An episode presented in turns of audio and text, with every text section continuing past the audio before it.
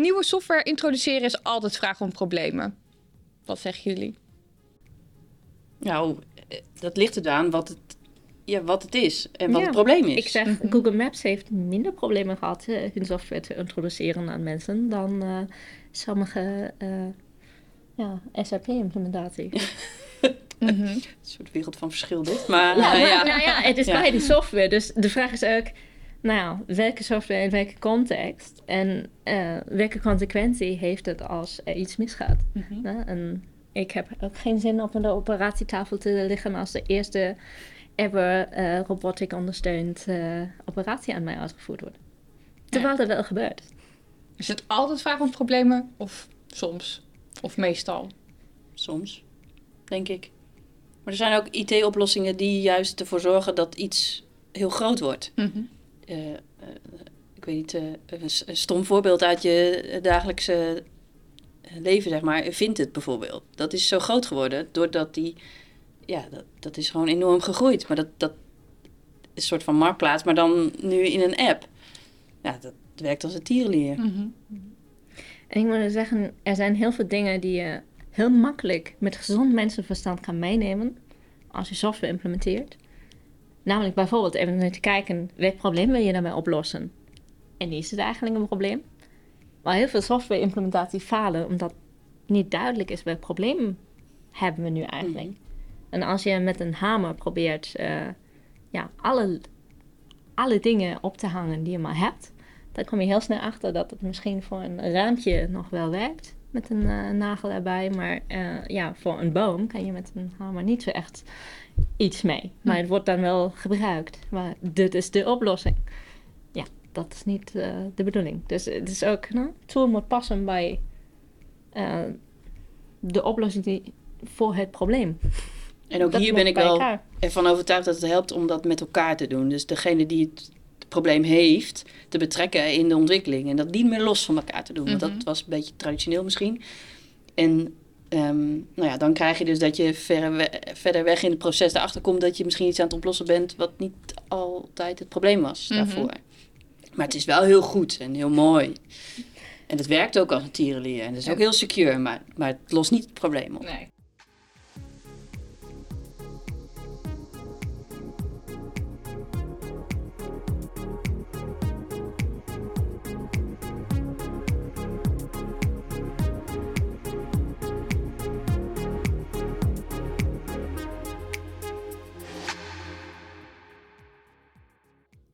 Hey hallo en welkom bij deze nieuwe TechGirl podcast. Mijn naam is Anke Horstman en in dit podcastseizoen spreek ik met vrouwen uit de tech over wat hen opvalt in het wereldje. Vandaag in de uitzending Julia en Simone. Hallo. Hallo. Eh, voor we het hebben over het hoofdonderwerp, eerst even dit. Hebben jullie iets gezien of gehoord waarvan je denkt, nou, dat is nou een goede tip om aan de luisteraar mee te geven? En ik begin even bij Julia. Als je maar weer in een saaie meeting zit waar je denkt: hey, eigenlijk is iedereen een klein beetje afgehaakt, probeer dan een liberating structure. Liberating structures zijn werkvormen waar iedereen uitgenodigd wordt daadwerkelijk deel te nemen en zijn inbreng kenbaar te maken. En het is zo designed, die werkvorm, dat iedereen ook daadwerkelijk bijdraagt. Waardoor de input van een hele grote groep mensen kan bijdragen een creatieve oplossing te verzinnen met elkaar. Maar is dat iets gepland of doe je dan gewoon zo en dan eh, moet iedereen op dat moment meedoen? Wat, hoe gaat Het, dat? grappige is, het is wel zo laagdrempelig dat je eigenlijk aan een halve pagina uitleg genoeg hebt om 40 man mee te faciliteren. Oké. Dus het is ontzettend leuk om te doen. Probeer het uit, liberatingstructures.com. Daar staan 40 eh, werkvormen op. Probeer er één uit. Oké, nou moet ik dan maar eens gaan doen met mijn team. Ja. Simone, heb jij een eh, goede tip voor ons? Nou, wel iets wat een beetje hierop aanhaakt. Ik ben een training aan het volgen en eh, tijdens die training ook, dat gaat ook over eh, samenwerking en conflict situaties ook. En ook dat je van tevoren, als je aan een groep of aan mensen individueel vraagt van hoe ga je deze meeting in en met wat voor intentie? Als je dat van tevoren checkt bij iemand, dat je dan vaak een meer ehm, eh, coöperatieve samenwerking krijgt dan dat je bijvoorbeeld zegt van eh, eh, dat niet doet, bijvoorbeeld. Het helpt om dat van tevoren te checken. Dat vond ik ook wel een goede tip. Haakt een beetje aan jouw, eh, Misschien staat het zelfs wel op die website. Ja, misschien wel, ja. Ik vind het wel Ja, een het goede is een tip. superleuke combinatie. Maar Als Ja. je de juiste intentie kent, maar kan je ook de juiste werkvorm voor kiezen om daar naartoe te komen. Ja, dat helpt wel eh, om een goed gesprek te krijgen. Ja, ik heb een hele andere tip. Ik ga ook maar een tip delen hier. Ehm, ik heb soms eens last van een writersblok. En, en dan zeker als ik dan moet gaan presenteren. En dan ook nog in het Engels. Oh my god, ik, ik sla echt helemaal op, eh, op hol af en toe. Maar ik heb dus een website gevonden. Een AI-website, uiteraard, natuurlijk. Ehm, maar daarin voer je dan eh, het hoofdonderwerp in. En je geeft aan wat voor design je ongeveer wilt. Drukt op enter. En de presentatie wordt gewoon helemaal gemaakt. Ook met informatie en dergelijke. Hoef je niet meer op te zoeken. Die presentatie wordt gewoon letterlijk voor jou ter plekke eruit gerold. En daarvoor moet je gaan naar de website gamma.app. Super makkelijk en zeker een tip om even te doen. Ben je niet bang dat we daar gewoon allemaal dom van worden? Uiteindelijk. Ehm, ik denk dat je op een slimme manier bepaalde tooling moet inzetten. Eh, dus dat geeft weer nieuwe know-how en nieuwe slimmigheidjes in je hoofd. Wordt misschien grammaticaal minder vaardig, dat zou kunnen. Maar ik denk dat je weer nieuwe eh, dingen leert in het leven. Snap ik, hè? Want in het begin, eh, heel, heel lang geleden, toen het schrift zeg maar ontwikkeld werd, dacht men dat ook. Hè? Dan, wel, dan zouden ze dom worden, omdat je dan alles ging opschrijven. Dan Oh, kon je het niet onthouden. Ja, dat is al, en dat is al een paar keer eerder gebeurd. Met computerontwikkeling gebeurde dat natuurlijk ook. Dus het is ook een soort van angst die heel snel in de mens zit. Eh, het- ik denk dat ook gelijk. Hè? Van, oh ja, ja nou, dat is wel handig. Maar aan de andere kant, ik vind het zelf ook wel een leuk proces om eh, doorheen te gaan. Ja, soms moet je ook maar gewoon op je bek gaan, proberen op je bek gaan en dan erachter komen, oh, het is toch niks voor mij. Ja, je kan ook een rondje buiten gaan wandelen en het even laten liggen en dan terugkomen en dan denk ik, ah, en dan kun je weer. Precies. Of je kan het gewoon als input gebruiken, als een andere Ja. soort van, hey, hoe verzamel ik, hoe kom ik aan informatie die ik dan weer verwerk en daarmee iets nieuws creëer. Oh, zeg niet al omdat je die presentatie hebt gecreëerd dat je die ook zo benut. Ik zou zeggen, tune het dan ook naar wat je wil bereiken en wat je wil met je audience. Maar dan kan je net even weer de, de, de input geven om daarmee verder te gaan. Ja, het is niet altijd een succes, denk ik. Maar ja, als je niet Ik blijft experimenteren in je werk, dan kom je volgens mij ook nergens. Zeker. Zeker niet in de IT. Heel belangrijk in ons werk. Ik ben wel heel benieuwd hoe dat, hoe fancy. Wordt het heel fancy? Ja, wat is heel fancy? Ja. Dat is ook een waardeoordeel. ja, ik vond het wel echt behoorlijk knap. Ja, maar probeer het zelf gewoon vooral Ja. ook eens. Gaan we doen. We. Ik zou het uitproberen. Ik heb er zin in. Kun je iets vertellen over eh, jou als in, eh, nou, wat voor werk doe je? Eh, hoe ben je daar terechtgekomen? Wie is Simone Storm? Ik werk 17 jaar bij Achmea. En ehm, ik ben eigenlijk altijd een beetje gegroeid van het een naar het ander. En ehm, de laatste tien jaar als leidinggevende van de verschillende IT-teams. En nou ja, Achmea is natuurlijk best wel een groot bedrijf, maar daar zit ook een heel groot IT-component in. We doen heel veel zelf. Weinig, eh, eh, nou, er komt wel iets meer, maar we hebben eigenlijk ja, veel eh, technologie die we zelf onderhouden en zo.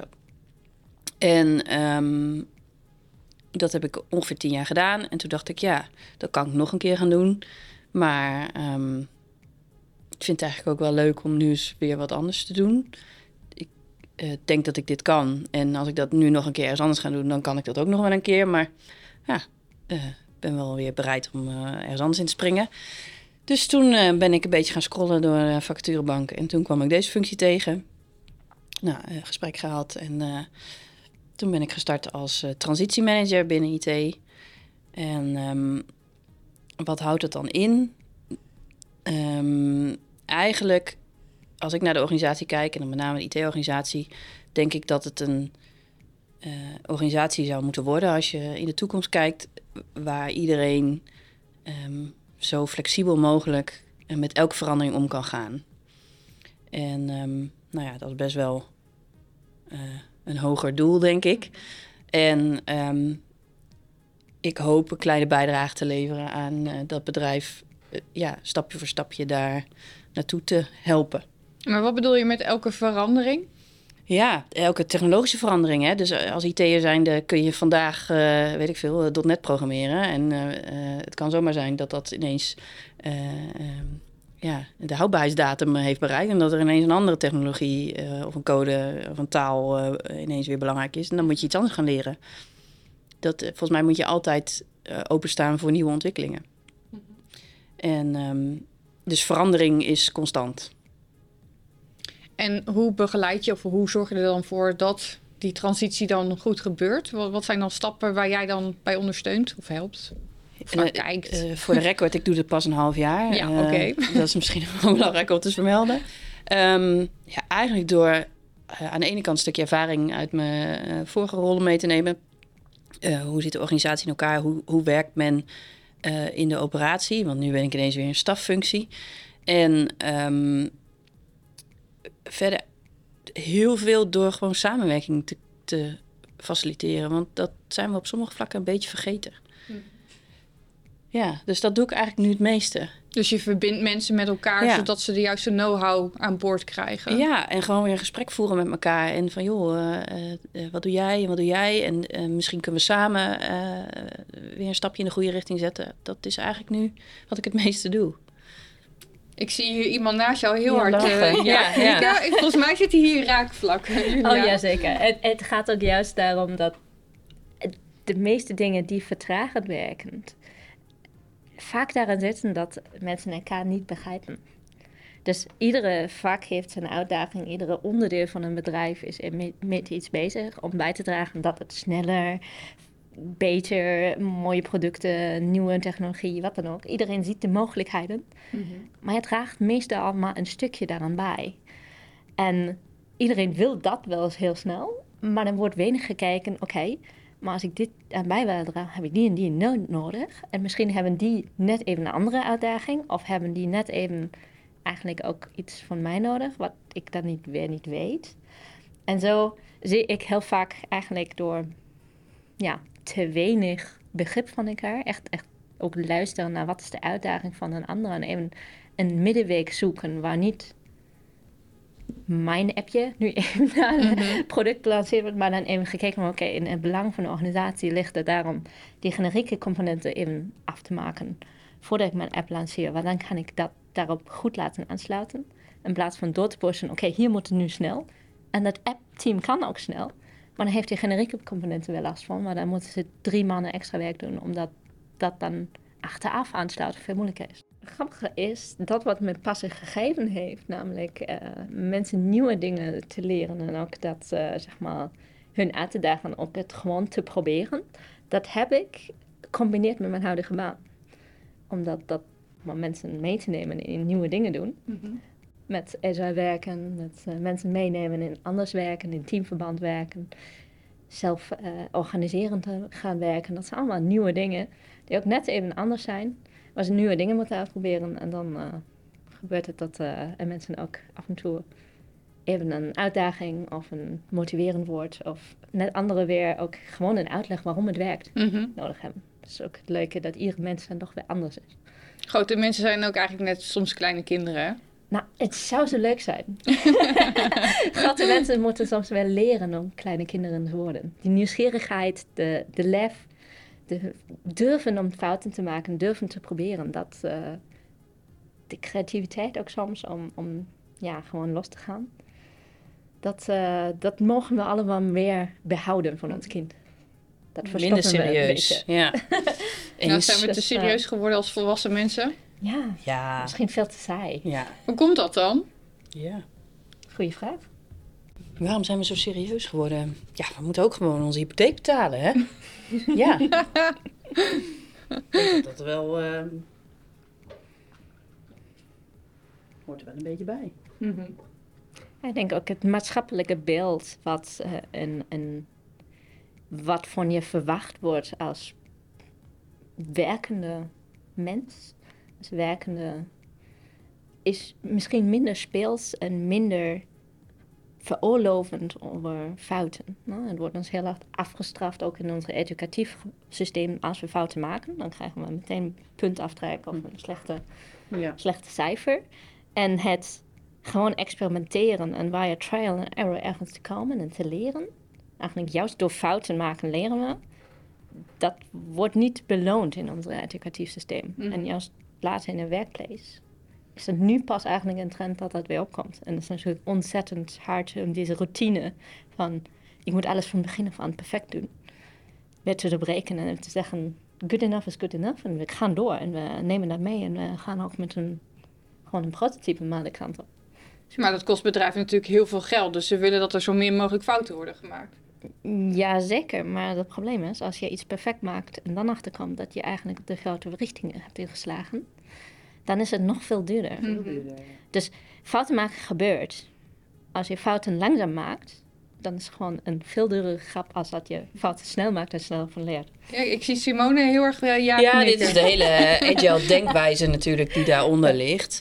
Ik denk ook wel dat het iets te maken heeft, wellicht, maar dat weet ik ook niet 100%, maar dat maakt ook niet zo uit. Ik denk dat het ook wel een beetje in onze dienstverlening of in het werk wat wij doen zit. Het is natuurlijk heel serieus wel waar we mee bezig zijn. We mogen, eh, eh, als we in de IT een fout maken, dan ja, heeft dat ook wel heel veel impact. Ehm, in ons bedrijf, maar waarschijnlijk ook in het bedrijf waarbij jij komt, het is wel eh, serieus als er een security item of zo eh, ergens Nou, geraakt wordt. Ik Ja. werk nu voor de politie als Mhm. klant. eh, dus ja, er staan ook echt mensenlevens op straat Ja. als, eh, op speel als er gegevens op straat komen. Dus er mogen in bepaalde omgevingen geen fouten gemaakt worden. Maar daarom is het juist zo belangrijk om iets te durven in een omgeving die wel safe is. Dus dat hebben we in de IT ook. En dat hebben sommige andere, zeg maar, beroepsvelden niet. Nee, je kan geen operatie uitvoeren waar je zegt, nou, daar sterft niemand. maar je hebt wel een, een eh, probeeromgevingen en afgeschermde sandboxes in IT, waar je dingen ook gewoon helemaal tegen de, ja, helemaal in elkaar kan laten storten, zonder dat er iets gebeurt. Nou, als je, dat is het mogelijke in IT. Je mag hier omgevingen opdagen, eh, plekken creëren waar je fouten kan maken. Ja, in een acceptatie of in een testomgeving bijvoorbeeld. Ja, Ja. We willen allemaal snel en we willen allemaal ons best doen. Dus ben van de overtuiging dat iedereen met, met motivatie naar zijn werk gaat om, om Goede niet intentie. met Ja. goede intentie naar zijn werk gaat en probeert daar ook zijn bijdrage te leveren. Alleen denk ik dat we veel meer, misschien soms ook weer ja, dingen moeten versimpelen of dingen duidelijker moeten maken om iedereen de kans te geven zijn bijdrage te geven. Maar kan dat wel? Want soms heb je te maken met best wel noobs of met ja, mensen die niet zoveel van het technologisch landschap dat ze daarvan weten. Of soms is het ja, een, een stukje technologie waar ze, waar ze dan weer niks van weten. Dus ja, kun je Ja. iedereen wel ooit aan boord krijgen, vraag ik me af. Nee, en de vraag is, hoeveel moeten ze daarvan weten dat ze hun bijdrage kunnen geven? Mhm. Ik denk wel dat er beter over na moet gedacht worden hoe je wel mensen mee aan boord kunt nemen in een digitale transitie. Maar iedere organisatie, de helft van de business is digitaal. Dus je moet ook de scheiding loslaten van, nee, maar ik ben alleen van de business en ik ben alleen van IT. Nou, aan beide kanten, dat werkt niet meer. Huh? Je product is digitaal, je kan niet loslaten dat je dan ook aan de technologie met die je werkt bepaalde keuzes aan hebt gemaakt. En dat faciliteert dat je snel vooruit gaat in één richting. Maar het zegt ook dat je bepaalde beslissingen hebt genomen die het moeilijk maken in een andere richting te lopen. En misschien moet je dat dan dus ook niet doen. Ehm, En het werkt uiteindelijk ook beter als je dat proces gezamenlijk doet. En ook voor de acceptatie van de rest van de organisatie. Dat ze het ook gewoon in samenwerking eh, met elkaar ontwikkelen. Mhm. En wat nou als je een hele grote organisatie hebt dan? Kan het dan nog steeds? ja, dan is de vraag hoe minder mensen zich dan zeg maar, daaromheen mee bemoeien. Wie het recht heeft die beslissing te nemen. En dat twee mensen die daarover gaan, daadwerkelijk met elkaar praten. Ja. zou veel oplossen. Maar ik had bijvoorbeeld een, een klant die heeft me gevraagd een productspecificatie voor een bepaalde productgroep te maken, in, in de app te tonen. En dat wilde ik best. Maar ik dacht, ja, oké, dan doe ik dat. Op de website hebben ze daar tien productspecificaties. Dat kan, kunnen we zo een app aanbouwen. Maar als ik daar induik, dan merkte ik dat die 152 verschillende productspecificaties hanteren. Waarvoor nog producten bestaan die eigenlijk al lang uit de veld getrokken zijn, maar waarvoor nog contracten lopen en waarvoor nog dingen onderhouden moeten worden. En dan zeg ik, Dat is hartstikke aardig. Maar als we die allemaal eh, in die app trekken, wordt die app eigenlijk bijna niet meer onderhoudbaar. Zwaar. Ja. Het wordt heel zwaar. En dan duurt het ook vijf maanden in plaats van de ene om dat daarheen te krijgen. Begin En nou dan- met één. Dan kunnen we met één beginnen. Ik heb ook gekeken hoeveel het gebruikt wordt. En dan heb ik gezegd, nou weet je, ehm, volgens mij 80% van de gebruikers, als we die afgebruikt, dan hebben we al waarde. Dat is één manier. Maar een andere manier is, ik heb geprobeerd dat gesprek aan te gaan. Hey, kunnen we mensen niet verleiden in plaats van die 152 oude contracten? Dat is gewoon overstappen op een nieuwe. Maar het heeft zoveel meer voordelen. Dat is niet de enige functie waar we daar tegenaan lopen. We willen nog veel meer functie over die productcategorie heen gooien. Daar lopen we dus iedere keer tegenaan. Dus kunnen we het gesprek hebben over hoe we die productvariatie kunnen verkleineren. Nou, dan is me heel snel gezegd, dat is geen IT-beslissing. Nee. Ja, maar het heeft ontzettend veel impact op Ja. IT. Dus als we dat gesprek niet aanmogen en begrip kunnen kweken in, in, in de businesskant vanuit IT, hey, die variatie die kost ons ontzettend veel geld als organisatie. Dus En die kost jullie eigenlijk de tijd om een nieuwe functionaliteit voor elkaar te krijgen. Waarom kunnen we daar ons niet in het midden in vinden en nou nadenken wat is een slimme oplossing voor de hele organisatie, business en IT-kant? eh, Dat neemt gesprek moet wel, wel plaatsvinden. ja, maar neemt de business dan de IT-afdeling wel serieus genoeg? dat is vraag. De vraag is: is het serieus of is het ook angst? Maar het is IT, het is complex. Ik, ik, ik ben van de business, dus. En het is aan zich niet vaak een IT-vraagstuk.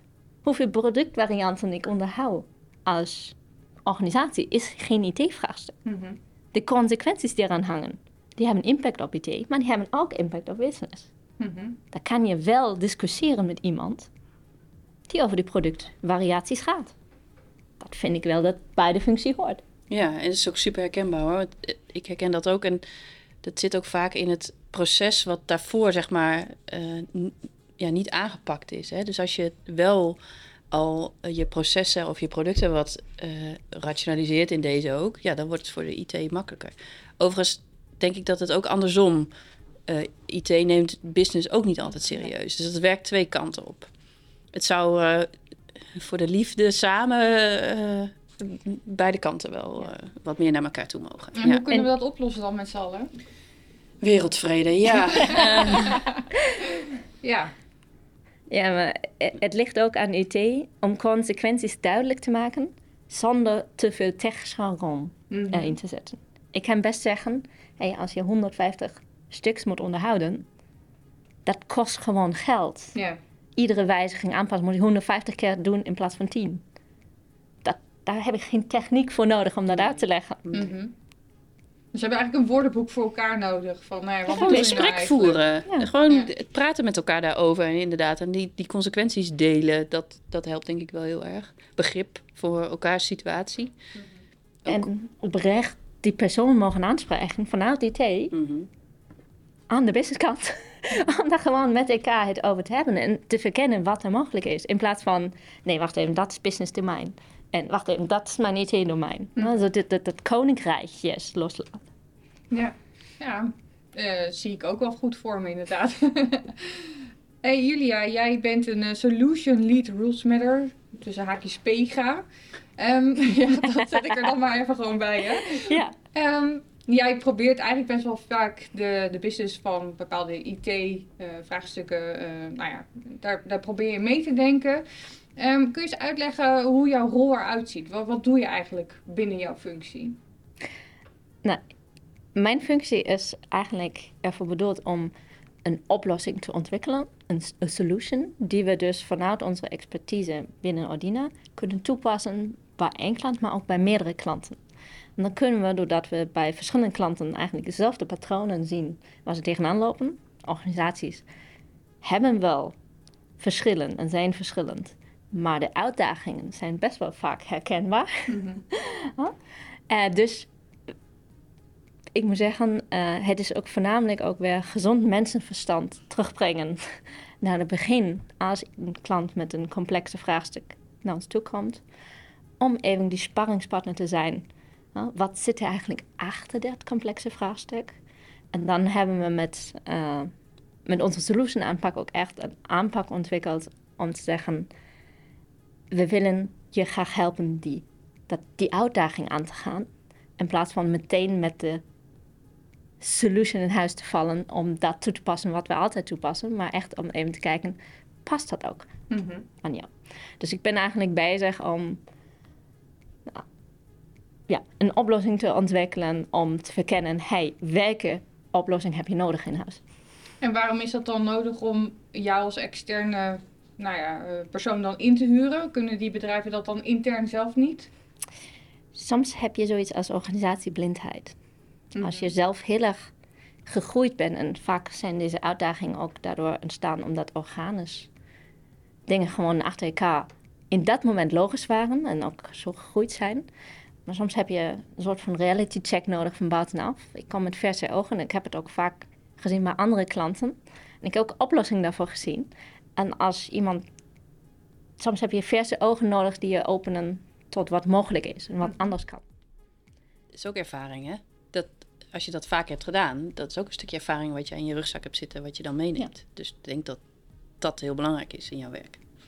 Zeker, maar ook gewoon echt de, de verse paar Mm. ogen. Ik, ik stel ook vaak soms heel veel vragen in mijn eerste gesprek. En dan eh, zijn klanten, ja, maar eh, wat, wat, wat komen jullie nu doen? Ja. Nou, dat hangt vanaf van wat je nodig hebt. En voordat ik weet wat jij nodig hebt, kan ik helemaal niet adviseren. maar je- na zo'n gesprek hebben klanten ook echt soms een, een heel veel ander beeld over wat, wat ze eigenlijk nodig hebben. En dat is al de eerste stap van de oplossing. Echt naar het probleem kijken en het probleem begrijpen. En, en daarin ook verkennen dat het niet de eerste, eerst beste pleister is die in je opkomt, die je daarop moet plakken, maar dat het soms systemisch ligt en dat je soms ook oorzaken iets dieper moet graven om, om dingen goed op te pakken. Doe je dat dan met een speciale, heb je een standaard vragenlijst of heb je een methodiek hoe je dat doet? Of is het gewoon op basis van je eigen kennis? Um, ik volg heel veel design thinking aanpakken. Mhm. En dan uh, gaat het daarom, ja, ik kijk iets verder dan mijn neus lang is, om het maar kort te zeggen. Dus ik vraag gewoon door. Ja. Het uh, begint met 9 keer why. Uh, en dan ben ik niet zo penetrant om iedere keer echt waarom te vragen. Maar ik probeer mensen wel ertoe te leiden door te vragen waar zit het probleem? Hm. Waar, waar, waar is eigenlijk de, het achterliggende oorzaak van de symptomen die je nu beschrijft? Vinden ze En het dan ik niet vind- heel erg irritant? Ja, Ja. Leuk, ja. Ehm, ik, ik heb ook uh, zeg maar één recommendatie gekregen. Dat was uh, een paar jaar geleden van de Rabobank. Dat was uh, ontzettend leuk. Ik heb me ontzettend ge- verheugd dat, dat ik ging. Ik kan nee zeggen met behoud van de relatie.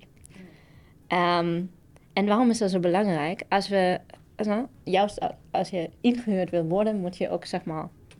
Nou, iemand moet, je, moet dat besluit nemen om je toe te laten tot, uh, tot de organisatie. Ja. Het gunnen dat, Ja. dat je mag helpen, in die zin. En dan ben ik heel graag van helpen. Maar helpen betekent niet altijd ja zeggen.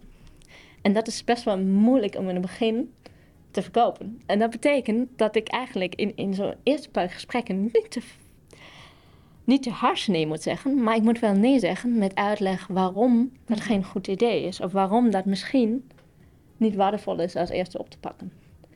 En dan uh, heb ik daar wel theorie, zeg maar, er zijn een paar diplomatieke uitspraken waarop je dat zachter kan landen. Maar het is ook juist dat, dat eerste gesprek waar je dan iemand soms ook een klein beetje moet shocken. Mm. Uh, hartstikke bedankt, ik ben product owner nu geworden, maar ik ga dat niet doen. waarom? Oké, okay, nu gaan we het gesprek waarom we hier eigenlijk aan tafel zijn, waarom je mij hebt ingehuurd, niet iemand die van zijn hypotheek van jou afhankelijk is. nou? Ja. Ja, maar dat, dat is ook de kunst van een externe, of de, de grote voordeel van een externe, is dat die ook af en toe mag schoppen. Mhm. Uh, en dat maakt soms iets los wat losgemaakt moet worden binnen een organisatie. Ja, de intern is dat wel lastiger, denk ik. Alhoewel, ja, ik, ik kijk nu heel even naar Simone. Jij zit intern bij Achmea al 17 jaar. Dus eh, voor jou is dat anders, denk ik, die rol. Je hebt ook wel een iets andere rol, maar het is wel vergelijkbaar. Ja, en ik vind, misschien heeft dat ook een beetje met karakter te maken. Ik vind het wel leuk om af en toe te prikken. Oh joh. Ja. Ja. Dus dat, ehm, ik ben daar niet ook. zo bang voor, Ja. eigenlijk. Is dat het ook wel misschien. Dus ik, Ja. en, en ehm, ja, mijn werk is er wel. Dus ik, ik het voelt niet als dat ik afhankelijk ben van de andere kant. Nee, dus ik vind dat juist wel, eh, wel leuk om te doen. Ja. Maar het is ook, ik probeer ook bedrijf te helpen. Hè? Dus Mhm. juist wat jij ook zegt. ehm, door de vraag te stellen en door eh, ja, dingen te verbinden. Omdat je dus ook best wel fris ergens naar kijkt. Je zit daar niet dagelijks in. En daardoor ja, eh, kijk je daar toch op een andere manier naar. Is het dan ook wel de kracht dat je juist er misschien net iets minder van weet dan de inhoudelijke personen, dat je juist die vragen nog kunt stellen? Moet je misschien ook niet te veel weten van waar je je tegenaan gaat bemoeien? Je- ik- Ik ben ervan overtuigd dat je wel inhoudelijk een groot deel moet weten, ook van eh, IT eh, algemeen of zo, of aan Mhm. zich. Je moet wel snappen wat, wat men doet. De materie moet je wel begrijpen. Ja. En niet tot het gaatje. Ik zeg altijd, je moet niet zelf die functie moeten verzinnen en schrijven. Maar als een ontwikkelaar komt met, je vertelt, probeert uit te leggen waarom een bepaalde feature geen goed idee is en wat voor uitdagingen had, dan moet je wel je best doen om te begrijpen waarin die uitdaging ligt. Mhm. En dat heeft niet zozeer ermee te doen dat je zelf die, dat werk van hem over wil nemen. Maar daar zeg ik weer, het ligt aan die, aan die empathie en het begrip voor elkaar. Als je iemand niet snapt, is het heel moeilijk om dat begrip op te brengen. Dat die uitdaging er wel ligt. En je kan hem ook niet verder helpen om die uitdaging misschien vanuit een andere perspectief te zien. Maar het, Dus- schept ook een, het is- schept ook een band, dat Ja. doordat je dat vertrouwen hebt. Oh ja, ze begrijpt mij. En daardoor kun je ook advies geven. Als jij eh, met hele grote ogen iemand aan zit te kijken, dan denkt hij ook van, oh ja, eh, Ja. daar heb je geen verstand van. Dus dan ga ik ook niet naar je luisteren. Zo werkt dat vaak wel. Zeker. En ik denk ook niet dat je iemand goed kan verder helpen als je een deel van de inhoudelijke materie naast je neerlegt. Maar het zit zo verwoven. Mhm. Als je, als je twee delen, als ik bij de politie niet begrijp dat mensen daar op straat gewoon binnen seconden beslissing moeten nemen. Dat ze gewoon hechten aan hun patroon, omdat hun dat zekerheid geeft. Maar dat ze wel heel, heel natuurlijk daarvan af kunnen wijken als de situatie het bevordert. Maar het neemt niet weg dat ze een protocollen gerecht zijn, waar dat geeft hun de zekerheid dat, dat ze kunnen verwachten wat hun partner ook doet. Ja, ze zijn niet alleen verantwoordelijk voor hun gedrag, maar ook dat, voor dat voor hun partner en wat hun partner van hun verwacht. Dus als ik tegen hen vertel, maar je moet dat protocol loslaten, moet ik daar een heel goed verhaal voor hebben. Mhm. En dat snap ik alleen als ik weet waarom ze zo hechten aan het protocol. Ja, dus echt de vraag achter de vraag willen stellen. Ja, maar ook de, de, de context van Ja. hun werk te begrijpen en de emotie die daarin zit. Ja. Maar het gaat niet daarom. ik- iemand die, die een deur binnenvalt, die moet erop kunnen vertrouwen dat de mensen buiten dat huis aan hun protocol voldoen. Maar dan heeft hij zekerheid wat die weten en wat niet. Mhm. Dat, dat baseert heel veel van hun gedrag. Als ik hem vertel, hij moet het anders doen, moet hij ook de zekerheid hebben dat de alle anderen weten dat hij dat nu anders doet. Ja. Dus daar is veel weniger ruimte eh, om mensen te bewegen iets te experimenteren of uit te proberen. Als ik hun niet ook ja, kennelijk maak dat iedereen, voor iedereen het een goed idee is. Mhm. In hun context, in hun situatie. En als ik dat inhoudelijk niet snap, kan ik dat niet doen. Nee. Voor een app-ontwikkelaar die zeg maar een nieuwe leuke feature op een marketing op een website zet, een marketingverzoek stuurt. En weet je, daar, daar denk ik me ook, daar kan je soms iets minder context moeten snappen. Mhm. Dan kan je gewoon soms ehm, iets sneller van start lopen, omdat daar minder consequenties aan verbonden zijn. Dus het is ook heel erg Ja. ja, ook daar kan je risico bekijken. Nou, je wil Mm. geen PR-schade oplopen. Ja. Maar weet je, ehm, het is ook technologisch mogelijk om zo snel dingen fouten te repareren. Mhm. Dat je ook best wel naar productie mag met bepaalde dingen Ja. die je, die je Ja. even getest hebt. Dus ook daar de context en afwegen wat dan in welke context belangrijk is. Daar moet je wel proberen je best te doen om dat te snappen en toe te passen en ook te leren. Ja. En dat is juist wat IT leuk vindt. We zijn in allerlei contexten thuis. Ja. Overal is IT. En je moet het ook proberen te begrijpen. Mhm. En iemand van de business, vind ik ook, moet proberen te begrijpen waarmee we mee bezig zijn, wat onze uitdagingen zijn. Mooi gezegd. Hey, en tenslotte, stel iemand wil het werk gaan doen wat jullie allebei doen. Hoe, wat voor tips geef je dan mee? Wat, hoe kunnen die, deze persoon het beste starten? Ik weet dat jullie allebei niet per se een IT-achtergrond hebben, helemaal. Uh, nee. Nou, nou, nou. Nee, nou ja, nee, nee, nee, uh, inmiddels wel, maar zeg maar in het begin niet. Nee, ik ben geen programmeur of zo van huis uit. Exact. Dus uh, ja, wat voor tips heb je voor mensen die dit werk ook zouden willen gaan doen? Tja, nou er is niet echt volgens mij een standaard. Tenminste, ik heb het meeste geleerd door gewoon te doen. Ja, zo zit ik ook wel een beetje in elkaar, dus dat helpt mij dan. mijn buurvrouw herkent dat misschien. um, ja, ervaring uh, opgedaan binnen het bedrijf. En um, levenservaring vind ik eigenlijk soms nog veel belangrijker. Oh jee, dus je moet gewoon vooral een stukje ouder worden. nee, het helpt wel als je dingen hebt meegemaakt in je, ja. in je leven, zeg maar. Ja. Maar dan echt specifiek op de IT-werkvloer of ook, ook, gewoon daarbuiten? Ook, ja. Mm -hmm. Want dat zorgt voor dat stukje dat je mensen kan begrijpen, ook een stukje empathie. Dat um, niet altijd alles hetzelfde is en dat iemand um, het zich heel druk kan maken over iets wat voor jou misschien heel lullig voelt. Maar ja, dat zegt meer iets over jou, maar die persoon heeft daar wel last van. Dus dan ja. moet je wel dat gesprek kunnen voeren. Ik denk ook dat je dat kan trainen. Mm-hmm. Perspectieven van anderen innemen, daar zijn superleuke TED-talks over. Uh, maar empathie is een skill die je van jongs af aan kan leren en die iedereen ook nog ja, kan toepassen. En ik zeg, als je een IT wil beginnen, gewoon doen.